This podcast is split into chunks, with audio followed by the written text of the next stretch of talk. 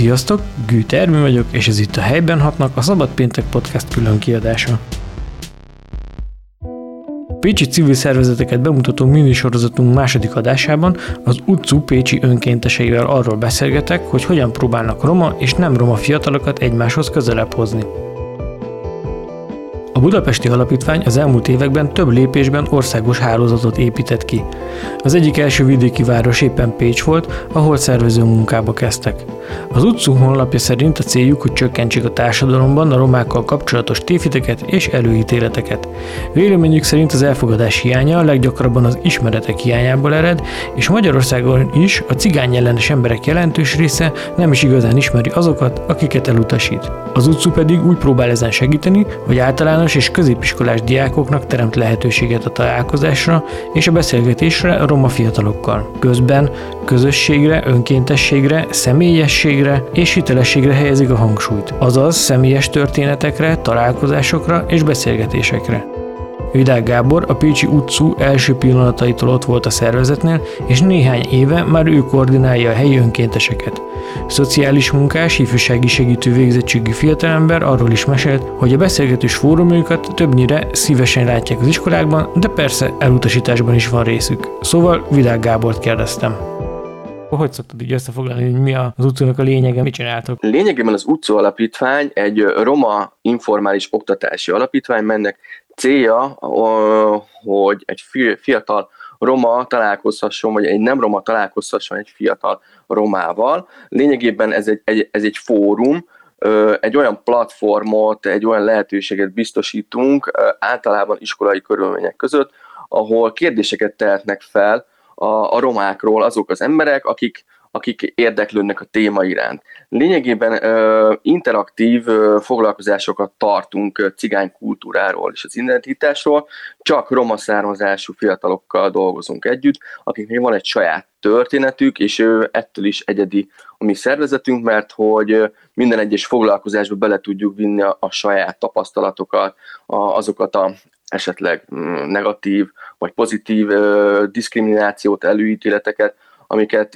így a, a többségi társadalomtól kap, kaptunk, vagy hogy az önkéntesek kapnak, és akkor ettől, ettől lesz különleges egy-egy foglalkozás. Lényegében arról van szó, hogy iskola, iskolákba megyünk, többnyire általános iskolákban, de nagyon sok középiskolában és szakiskolában is jártunk, sőt, még egyetemen is tartottunk foglalkozásokat. hogy, hogy néz ki egy ilyen foglalkozás? Egy foglalkozás nagyjából 90 perces, de vannak ennél hosszabb foglalkozásunk foglalkozásaink is.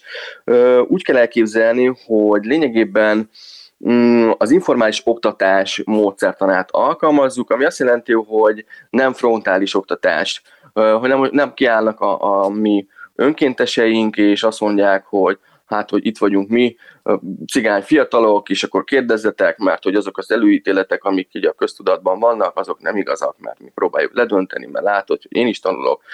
Lényegében ez úgy, úgy történik, hogy körben ülve megy egy bemutatkozó, bemutatkozó kör, és akkor a résztvevőknek már lehetőségük van kérdezni a, a kollégáktól, illetve az önkénteseinktől, és akkor már egy ilyen feltérképezés zajlik.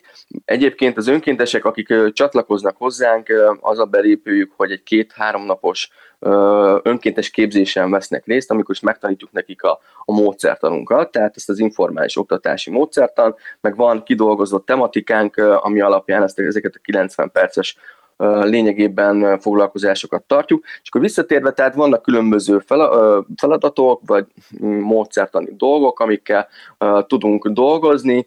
Mm, rengeteg foglalkozás tematikánk van, tehát hogyha az a terv nem működik, akkor a B tervre is át tudunk Tényleg mondja szerintem egy ilyen gyakorlati példát, hogy, így, hogy mi, mi, mit szoktak, mi, mit csináltok? Jó, mondok egy gyakorlati példát.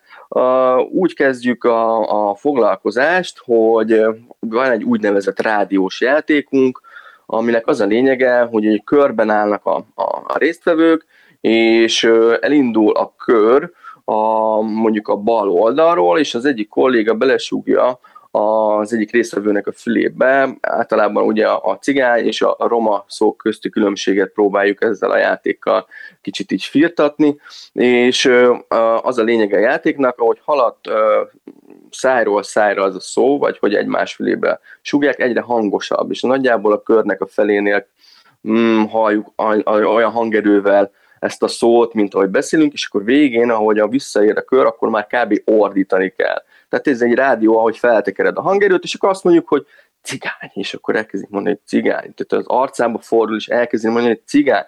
Aztán a másik oldalról meg visszafelé, akkor azt mondja, hogy roma. És akkor elkezdünk beszélgetni. Tehát egy ilyen vita kommunikációt indítunk el, hogy nekik mi az érzésük arról, hogy ha kimondják azt a szót, hogy cigány, vagy azt a szót, hogy roma, nekik milyen érzések indulnak el bennük, nekik az, hogy az arcukban mondják azt, hogy cigány vagy roma, az milyen érzés kell bennük, és akkor elkezdünk egy párbeszédet lényegében, és akkor ezek a gyerekek vagy fiatalok így elkezdik mondani, hogy hát igen, mi is szoktuk azt mondani, de általában negatív kontextusban, és akkor elkezdjük ezeket így felhozni, hogy miért történik ez, hogy, hogy szerintetek ez, ez, ez jó irány, vagy hogy egy, próbálunk egy, egy ilyen kis párbeszédet összeütköztetni a véleményeket, és akkor ez elindít már egy olyan folyamatot, amiben elkezdenek gondolkozni. Vagy éppen egy másik játékunk, a képes játékunk, ahol um, olyan képeket mutattunk első körben, ahol ki vannak takarva a résztvevőknek az arcai, és hát különböző fotók vannak, amivel ugye tradíció, a cigánysággal kapcsolatos hagyományokat, akár az előítéleteket, sztereotípiákat próbáljuk meg így kiélezni, tehát esetleg a bőrszín, esetleg a, a, a, a ruha, vagy a, a lakókörnyezet, esetleg az, az ékszerek hordásával kapcsolatosan, és akkor ki vannak takarva az arcuk, és akkor a, a résztvevők elmondhatják, hogy, hogy szerintük a képen látható emberke roma származású, avagy sem. És hogyha azt mondja, hogy igen, akkor, akkor mondja el, hogy miért. És akkor így ebből elindul egy nagyon jó beszélgetés, akkor megkérdezik a többieket is, hogy szerintetek igaz-e, vagy egyetértetek, és akkor mindenki így, így egyenként kap egy képet, erre mondja, hogy mi a, a lényege, vagy hogy mit lát a képen, és akkor amikor végigértünk, akkor megkapják az eredeti képet, na és akkor meglátják, hogy na valóban ez a roma származású, vagy ugyanúgy azt gondolja-e, hogy cigány embert lát a képen, vagy sem, és közben tovább folytatódik ez a beszélgetés. Tehát így, így próbál, próbálunk mindenkit beszéltetni, tehát nincsen az, hogy, hogy valaki végig csendben ül. Nyilván vannak passzív emberkék is, de általában ők is a foglalkozás végére valamilyen szinten megnyilvánulnak. Na ezt akartam kérdezni, na ezt akartam tökre kérdezni, hogy, ez, hogy milyen, milyen szokott lenni az ilyen beszélgetésnek az elején a hangulat, és, és hogyan alakul ez át? Vagy van ennek, van ennek ilyen látható hatása, amikor ott vagytok? Így van, így van. Legtöbbször van, ugyanis egy kezdőkörnél van egy bemutatkozás, mi elmondjuk a szervezetünkről, hogy mi, mi a tevékenységünk, mióta működünk, mi a célunk. Akkor általában már vannak olyan megnyilvánulások, akikben van egy kicsi tüske, vagy valami kis negatív érzés, azokat így már megpróbáljuk úgy, úgy kezelni, vagy hogy, hogy uh, próbálunk -e hogyan? hatást gyakorolni ezekre az emberekre. Kipiszkálni, vagy, vagy hogyan? Nem, nem, nem, nem piszkálni, hát ugye folyamatosan képezzük is magunkat, tehát a kommunikációs tréningekkel, meg is vitam kommunikálni. Igen, igen. Hát pró- próbáljuk ezeket az embereket úgy terelgetni, ugye a kommunikáció, vagy a foglalkozás során, hogy kiből ki azt? Általában a foglalkozás elején már így, így kimondja azt, ami őt bántja. Aha. Mert hogy valljuk őszintén nagyon sokan ö, találkoztak már roma vagy cigány emberrel, és általában, főleg a fiatalok körében van egy ilyen sztereotípia, hogy hú, akkor ez bűnöző, vagy hogy valami, valami negatív hatás érte, vagy negatív mm, környezetben találkozott roma származású emberkével, és akkor ezeket kimondják, és az már nekünk egy nagy uh-huh. előrelépés, hogy tudunk ezzel dolgozni, tehát az önkénteseink képzelt kortárs segítők, akik általában egyetemi hallgatók, vagy egyetemet végzett ö, értelmiségi cigány emberek, tehát folyamatosan képezzük is őket, ezeket ezt már mondtam, úgyhogy, úgyhogy megvan nekünk az a, az a módszertanunk, az a szakmaiságunk, hogy megpróbáljuk olyan irányba terelni a beszélgetést, hogy ne legyen a, a végén egy negatív tapasztalás, hogy, hogy, a, hogy azokat a sztereotípákat tényleg egy kicsit megdöntsük. Gyakorlatilag ezek tabu témák, és azért is egyedi a mi szervezetünk, mert hogy, mert hogy korábban senki nem foglalkozott ilyen témával, főleg nem ilyen nyíltan, és hogy, és hogy mi bemerünk menni iskolákba, és tényleg azokat a tabu témákat feszegetjük, amikről így a, a köztudatban, vagy a, a többségi társadalomban igazából nem nagyon beszélnek. És a program végén, vagy hát a foglalkozás végén is egy visszajelző kört teszünk, tehát kérünk mindenféleképpen feedbacket a résztvevőktől, és a negatív kritikákat is ugyanúgy elfogadjuk, mert ebből tanulunk. Tehát általában egy, keretet adunk ezeknek a foglalkozásoknak, és a, egyelőre még nincsen ilyen módszertanunk, pontosabban a hatásmérés még nem dolgoztuk ki, számszerűsítve nincsen nekünk ilyen ö, ö, eredményünk lényegében, viszont a pozitív ö, visszajelzések, illetve az, hogy a legtöbb iskolában megjelenünk, oda visszahívnak, akár egy másik osztályba, vagy akár ugyanabban az osztályban tartsunk még egy foglalkozást, mert elindult valami. És ez hogy és ezek a visszajelzések?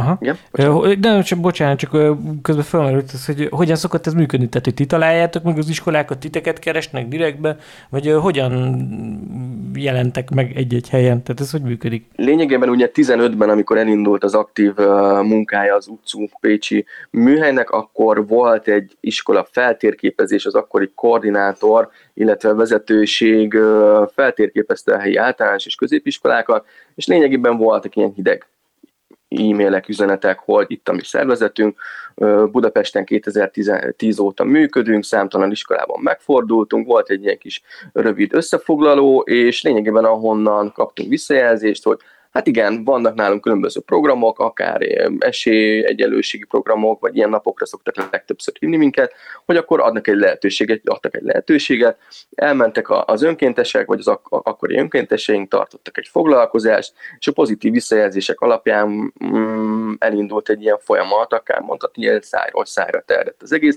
de hogy volt egy ilyen kezdő lökelt az egészben, hogy célzottan küldtünk ki e-maileket. Iskoláknak volt néhány önkéntesünk, akik a régi iskolájukba felkeresték a volt osztályfőnököt, vagy az igazgatót, tehát így is tehát kapcsolati háló egyre És ezzel kapcsolatban gyorsabban volt, bővült. Volt ezzel kapcsolatban negatív tapasztalat? Tehát, hogy nem tudom, visszautasító e-mail, vagy nem tudom, hogy... Természetesen, elég, elég sokszor volt. Igen, igen, tehát igen, tudsz, igen. tudsz arányt hát, is mondani? Tehát, tehát akkor nem egyedi esetekről az hanem... Nem, én azt, én azt mondom, hogy nagyjából egy ilyen 10 százalék, maximum talán 15 százalék az, amikor kaptunk visszajelzést, és mondták, hogy köszönjük szépen ebben a témában nem. A legtöbb ugye ez inkább ez a passzivitás, hogy nem is válaszolnak az e-mailre. Tehát ez a, ez a gyakoribb, de azt mondom, hogy a legtöbb helyen, a legtöbb iskolában szívesen fogadtak minket, mert hogy tényleg egy olyan, olyan témáról uh, próbálunk meg egy diskurzust uh, indítani, ami, ami lényegében a pedagógusoknak nincs ebben a tanterbe, nem is kötelességük, nem is tudnak gyakran erről a témáról beszélni, és, és most legtöbbször abban kérik a segítségünket, hogy menjünk el, és, és hogy inkább mi oldjuk meg, vagy hogy így levegyük a terhet a vállukról. Ezt is szoktam érezni néhányszor. Uh-huh. És mi a, mi a hatáskörötök? Tehát, hogy ugye utcú Pécsként vagytok meg határozó, de mondjuk ezzel a programmal ez szerte lehetne, vagy nem tudom, merre jártok, hogy ezt hogy, hogyan választjátok? Igen, igen. Mondjuk akkor visszatérve 2010-re, amikor elindult a program, ugye egy budapesti központú a szervezet, az alapítvány akkor kezdte el a munkásságát, akkoriban csak mm, Budapest, és hát környékén nem is, mert inkább csak Budapest, mert erre számtalan iskola, oktatási intézmény van és uh, ugye mondtam, hogy 2014-ben kezdték el a Pécsi műhelyt szervezni, 15 óta vannak foglalkozások. Pécs és környékén is jártunk, tehát amióta én vagyok az ön, önkéntesek koordinátora, én azt tudom mondani, hogy szerintem ilyen 30 kilométeres körzetben jártunk már akár közép és általános iskolában is, de főleg ilyen szak, szakiskolában jártunk, mert két évvel ezelőtt kötöttünk a szakképzési centrummal egy együttműködési megállapodás, és az, a szakképzési centrum minden évben iskolánként szervezi esély- és egészségnapokat, és annak keretében meg tudtuk jelenni ezekben az iskolákban, tehát csak egy-két példát mondjuk, hogy Szigetváron is voltunk, a Magyar Bolyban, Bolyban is jártunk, akkor Komlón egy szakiskolában, Tehát azért számtalan helyen jártunk, de főleg inkább ugye a Pécsi szervezettel, inkább a, a Pécsi iskolákat célozzuk meg. Hát egyrészt, mert hogy az utazás is elvesz az ide, önkéntesség idejéből, másrésztről meg hát az úti költséget ugye ez általában nem, nem tudjuk összeegyeztetni az iskolákkal. Tehát ezek önkéntes alapon történnek, ezek a foglalkozások, mi nem kérünk pénzt az intézményektől, és hát igen. Tehát Há, hány, ön, hány önkéntesetek van? Az országos szinten szerintem közel 30 önkéntessel dolgozunk. Pontos számot most nem tudok mondani, mert folyamatosan változik ez a szám. 2015-ben, amikor elindult itt Pécset, a, a Pécsi műhely, akkor nagyjából ilyen 15 önkéntessel dolgoztunk. Most sajnos ez a szám valószínűleg a Covid hatására is, másrészt meg ugye számunkra egyébként pozitív, hogy legtöbben egyetemre járnak és elvégezték az egyetemet, vagy tovább tanultak akár Budapesten, vagy más iskolában, ezért el, elköltöztek Pécsről, tehát most ez a szám ilyen nagyjából 4-5 önkéntes jelent, akik aktívak, ez 2020-as. Uh-huh most írtam Ez éppen a, a, az éves beszámolót. Aha. Igen, tehát ez így változik. Azt mondom, hogy általában itt Pécsen egy ilyen stabil 8-10 fő szokott lenni így az elmúlt 5 évben ez, a, ez az átlagszám. Kíváncsi voltam én is egy személyes történetre, így egy másik önkéntessel, Orsós Istvánnal is beszélgettem, hogy ő hogyan kapcsolódott be az utca munkájába, és miért.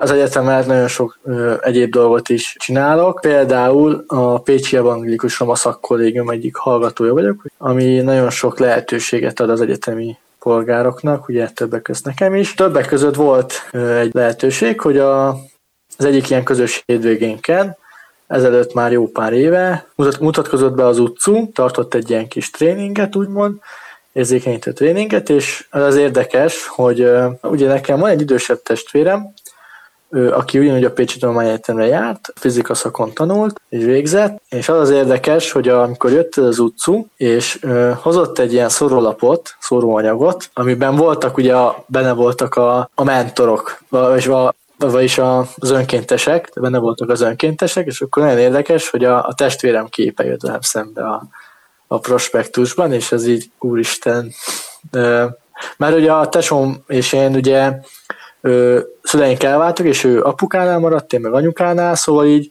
olyan a kapcsolatot nem tudtuk tartani, tudtunk egymásról, meg néha-néha beszélgettünk, de hogy, hogy nem nagyon tudtam az egyetemi pályafutásáról semmit, és nagyon, nagyon jó volt látni azt, hogy, hogy akárhogy is váltak el az útjaink, meg nem tudom, hogy mégiscsak találkoznak, és összefonódnak a szálak. Szóval így jött nekem az utcon, hogy és nem csak azért csatlak, akartam csatlakozni, mert a társadalomnak a képét is benne láttam, hanem, hanem tényleg tetszett az, a, az, a, az a, azt, amit képviselnek, ugye ez, hogy cigány identitást, mert tudnék illik rólam, hogy nem tudom, közé, az egyetem mi éveimig nem nagyon volt ilyen cigány identitásom, vagy nem tudom, nem volt ilyen, ilyen erősen az, hogy akkor most, most ezt csak így nem tudom, így nem, nem jött velem soha uh-huh. szembe. Elfoglalkoztál vele, aha. Így van, így van, és viszont ez nagyon jó volt, hogy tényleg, tényleg tudtam erről beszélgetni, tudtam erről nagyon sok információt, tudtam meg magamról, ugye, és ezeket az információkat én ugye, ugye látszik, hogy, vagy én, tehát én elszánt, el, elszánt vagyok a felé, hogy tanár legyek, és hogy miért? Mert nekem az egyik ilyen dolgom, hogy amit, amit tudok, és amit, amit megtanultam, azt, azt rögtön át akarom adni bárkinek, és bárminek, és pont ez, hogy, hogy ebben is így megtaláltam azt, a, azt, a, azt az önmagamat, hogy tudok valami kis információt, meg nyilván ö, ilyen, mm, tehát hogy tudjam, tudjam magam képviselni, erre nagyon jó lehetőség ez, a, ez az alapítvány. Ö, ö, Ugye, mert okay, hogy... de nem mindenki, aki találkozik a, így az útosokkal, lesz, lesz belőle önkéntes. Nem miért gondoltad, hogy, hogy ez egy jó kezdeményezés, vagy... Ö, mert mert szerettem volna, ugye, mert középisko, leginkább középiskolákban jár, járunk, járunk az utcúval, foglalkozásokat tartani, és ez nagyon-nagyon szinte nagyon jó, akár tanári, tanári képességek fejlesztése nagyon jó dolog az, hogyha ilyen foglalkozásokat tartunk, nagyon sokat lehet belőle tanulni, és nagyon, nagyon szerettem azt, hogy, hogy nagyon szeretem azt, hogy, hogy ilyen helyekre tudok menni, tehát a középiskolákba tudok menni, kapcsolati tőkét tudunk fejleszteni, és ő beszélgetni arról, hogy mi a cigányság, És, és nagyon-nagyon megdöbbentő sokszor, hogy, hogy, és hogy, tehát, hogy miért is maradok benne, miért is vagyok benne még most is a programban, miután már elmentem és tartottam egy pár ilyen programot, mert hogy nagyon, lá, nagyon jó látni azt, hogy egy ilyen program keretén belül mennyi minden tud amúgy történni, akár az osztály dinamikájában, akár az egyénekben. Ezt akartam amúgy is kérdezni pont, hogy, hogy légy szíves, mesélj el egy ilyet, hogy mit látsz, hogy, hogy, hogy, hogy hogyan zajlik egy ilyen, és hogy mi, mi ez a, ami, ami történik. Ugye minket felkérés alapján hívnak, hogy akkor tartsunk egy ilyen másfél, ugye ez másfél órás ilyen érzékenyítő program, és ugye ennek a keretében belül, ugye, mi, ugye ez a csoportfoglalkozás, amit tartunk, ez általában ilyen körben ülünk, és akkor a témáról beszélgetünk, van egy csomó játékunk, amiket viszünk, érzékenyítő játék, bemelegítő játék, ilyen például a rádiós játék, amikor a tagoknak. Ezt ugye, hát, pont el a Gábor is, aha. Uh-huh, Oké, okay, akkor ezt most nem mesélném el. A másik, ilyen, a másik ilyenünk ugye De nem, inkább a... azt meséld el, hogy te hogyan ha? éled meg ezt, ezeket. Igen, nekem, nekem nagyon-nagyon jó érzés az például, amikor, a, amikor így, ugye mi úgy választjuk ki, mindig ilyenkor megpróbáljuk a diákokat úgy beállítani a körbe, hogy ugye a leghangosabb a legkerüljön a legszélére, uh-huh. tehát, úgy, hogy, hogy ő tudjon a legjobban kiabálni, és hogy ez iszonyat jó, amikor megkérdezzük a diákokat, na és ki szeret kiabálni, és akkor és akkor van, van olyan diák, meg Rögtön aki, kiderül, fogadjunk. Igen, hogy na majd én, de van olyan, ugye és a másik oldalt is megvan, hogy ugye, hogy ki az, aki meg iszonyat csendben van, és inkább meg se szólalna, és akkor ő meg oda megy, de utána rafinátok vagyunk, mert utána már megfordítjuk a kört, és utána majd neki kell kiabálnia, mm. és ugye ő, ezért is ő is meg így betörik, egy kicsit a jég így jobban megtörik, megnyílik. Na szóval, hogy, hogy ez nagyon jó szerintem, iszonyat, hogy és akkor olyanok, olyanok, olyanok jönnek vissza, hogy úristen, én nem fogom kikiabálni egy cigány, hát megvernek itt a szomszédból, átjönnek, azt megvernek, meg ilyenek, és akkor mondjuk mondjuk nekik, hogy hát nem kell félni, itt vagyunk, majd, majd, majd mi megvédünk. Uh-huh.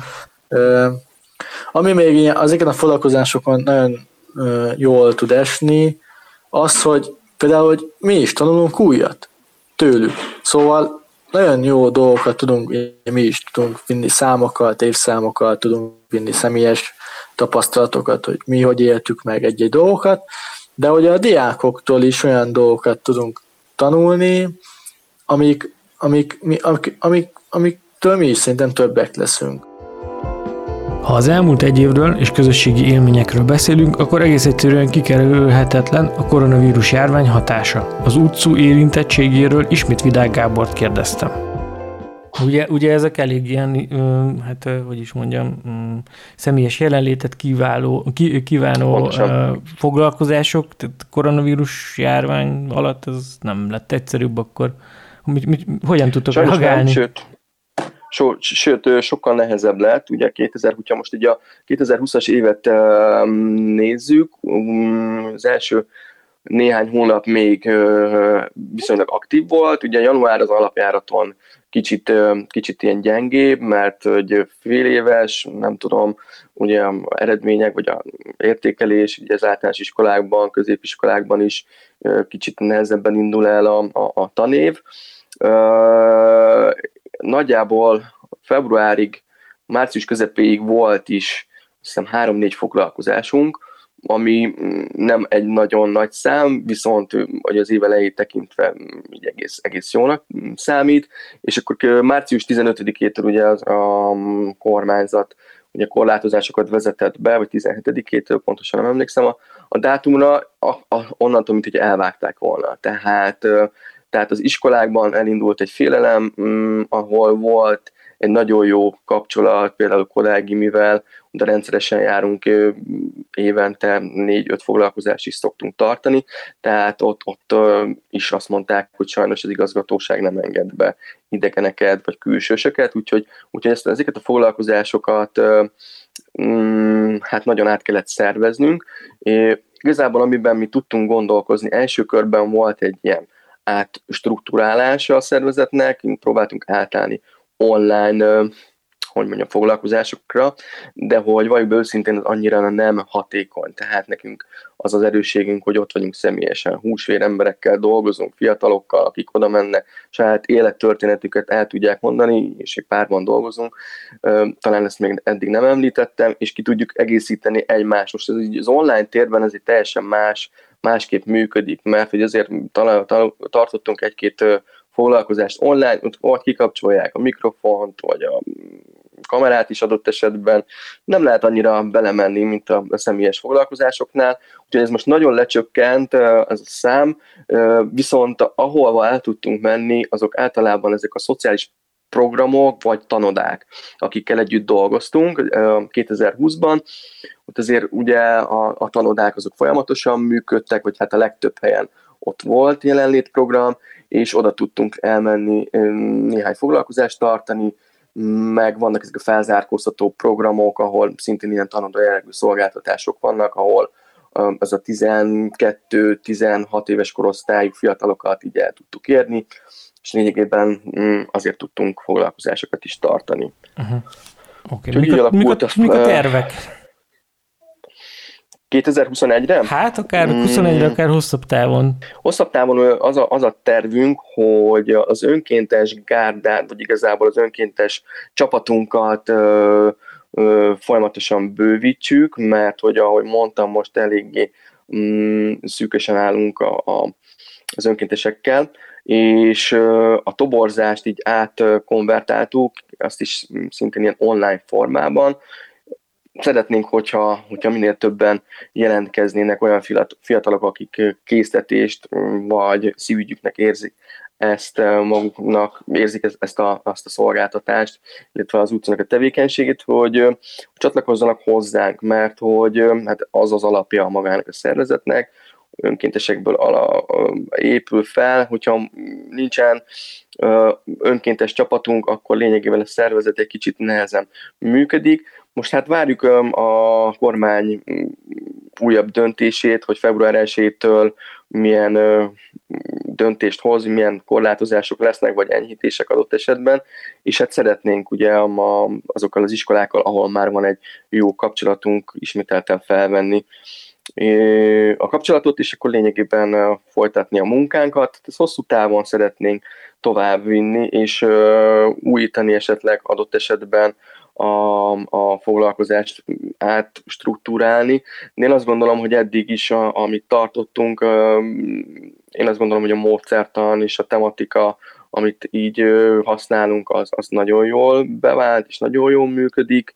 Nyilván vannak olyan speciális helyzetek, vagy esetek, ahova egy, egy más esetleg módszer illik, vagy használhatunk akár más dolgokat is, de én azt gondolom, hogy első körben ezt, amit már felépítettünk, ezt kéne megtartanunk, és, és ami még 21-re a, a, egy, egy tervünk, nem tudom, hallottál-e a sétáinkról, esetleg a, a budapesti ö, csapatunknak van egy 8 kert sétája, aminek szintén az a lényege, hogy a, a cigánysággal kapcsolatos előítéleteket így csökkentsük, és így a ö, befogadóbb és nyitottabb mm, világot próbáljuk meg létrehozni. Tehát a nyolcadik kerület, ugye az, az általában tudjuk, hogy mm, az emberek félnek oda be menni, mert hogy, hogy nagyon sok roma lakik ott, és hogyha valaki oda bemerészkedik, akkor biztos, hogy kirabolják, vagy legalább megkéselik, vagy valami tragédia történik velük, és a nyolckert sétál sétánk lényegében erről szól, hogy a sétavezetők végig kísérik a, a, a résztvevőket, általában ez egy nagyobb közösség, vagy egy nagy, nagyobb csapat, akik így jelentkeznek erre a sétára, és vannak különböző állomások, ahol a cigányságról, a, a, a történetéről, a cigányság kultúrájáról, hogy milyen csoportok vannak, magyarországi helyzetről beszélgetünk, és ez hogy hogyan kötődik a nyolcadik kerületben bizonyos helyszínekhez. És hát maga a lényeg ez az, hogy végig mernek menni az emberek, és akkor végén is szembesítjük őket, hogy, hogy végig sétáltál nyolcadik kerület szívében, és láthatod, hogy nem csak cigányok laknak ott, vannak ott ö, afroamerikaiak, vannak ott ö, ázsiaiak, vagy távol-keleti, mindenféle népcsoport, és hogy lényegében hogy nem történt semmi tragédia, hogy egy más, más szemszögből, más perspektívából tudják megtekinteni azt a városrészt, és ennek mintájára hoztunk létre Pécset a messzesi sétánkat, és van egy belvárosi sétánk is. Mm, én igazából a, a messzesi sétát tudnám a nyolcadik kerülethez hasonlítani, ami inkább mm, annak a tematikájára épül, mert hogy hasonló a helyzet, ugye a Györteleb, vagy Fehérhegy, vagy a Messzesi városrészre sem mernek nagyon elmenni, de ott is ugyanez a, a köztudatban ez a negatív előítélet él, hogy, hogy ott az egy veszélyes környék, oda nem merünk menni, meg amúgy is, és gyakorlatilag ott kialakítottunk egy tíz megállóból álló sétát, és hát ott az elején már beszélgetünk a, a cigányságról, illetve a Pécs történetéről, hogy a, a bányászat hogyan alakult, ez hogyan kapcsolódik a cigánysághoz, aztán uh, tovább haladunk, beszélgetünk a, a felzárkóztató programokról, akár a Csillaház, akár a tanodáról, hogy ez hogyan kapcsolódik a, a cigánysághoz, akkor a különböző helyszíneken látható, hogy milyen különbségek vannak így, így a házak között, hogy hol laktak korábban a, a gazdagabb emberek, és hogyan költöztek egyébként erre városrésze a romák. Tovább haladva pedig betekintést nyerhetünk egy, egy olyan ott élő roma művész házába, a, aki, aki festő, és egyébként nagyon szép festményeket készít, és beenged minket a, a, a, a házába, a lakásába, gyakorlatilag ő is elmondja az ő saját élettörténetét.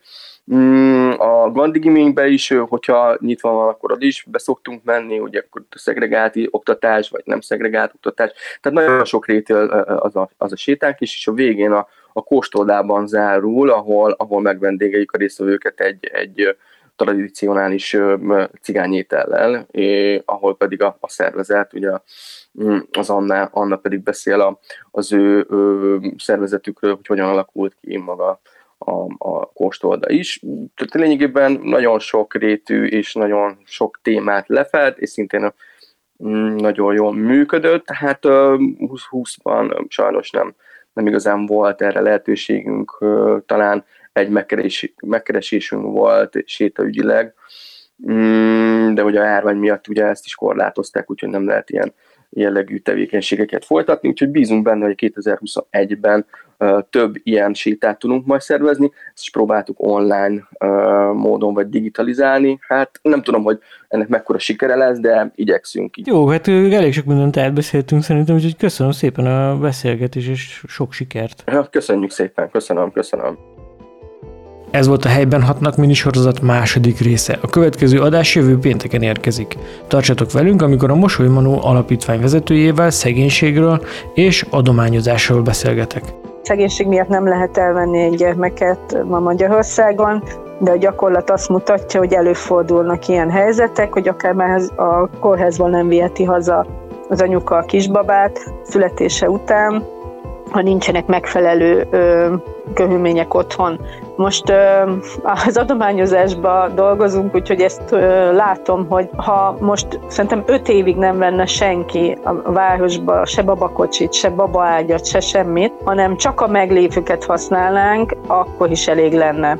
Tehát mai nap ö, ott tart a társadalom, hogy nem kellene egy gyermeknek se a kórházba maradnia szerintem emiatt, mert, mert a társadalom képes mindent biztosítani. Tehát mindenkinek otthon van, nem mindenkinek, tehát ugye vannak a rászorulók, akiknek nincs, és vannak azok az emberek, akiknek otthon van, és akár minden gyereknek külön-külön vesz babaágyat, mert megteheti, és miért ne tenni meg a saját gyereket. És hát éppen ezért mi, mi igyekszünk ebbe segíteni, hogy, hogy ne, ne kelljen a, a babáknak a családon kívül nevelkednie. A sorozat támogatója a Független Média Központ. Ha tetszett, akkor követhetsz minket Spotify-on, Apple és Google Podcast-en, vagy éppen YouTube-on is. Vagy iratkozz fel a hírlevelemre. Ha kérdésed, észrevételed van a műsorral kapcsolatban, akkor ír nekünk a szabadpécs kukat szabadpécs.hu címre. Ha támogatni szeretnél minket, akkor ezzel kapcsolatban minden információt megtalálsz a szabadpécs.hu per támogatás oldalon. És nézd meg a linkeket az adás leírásában. Köszönjük!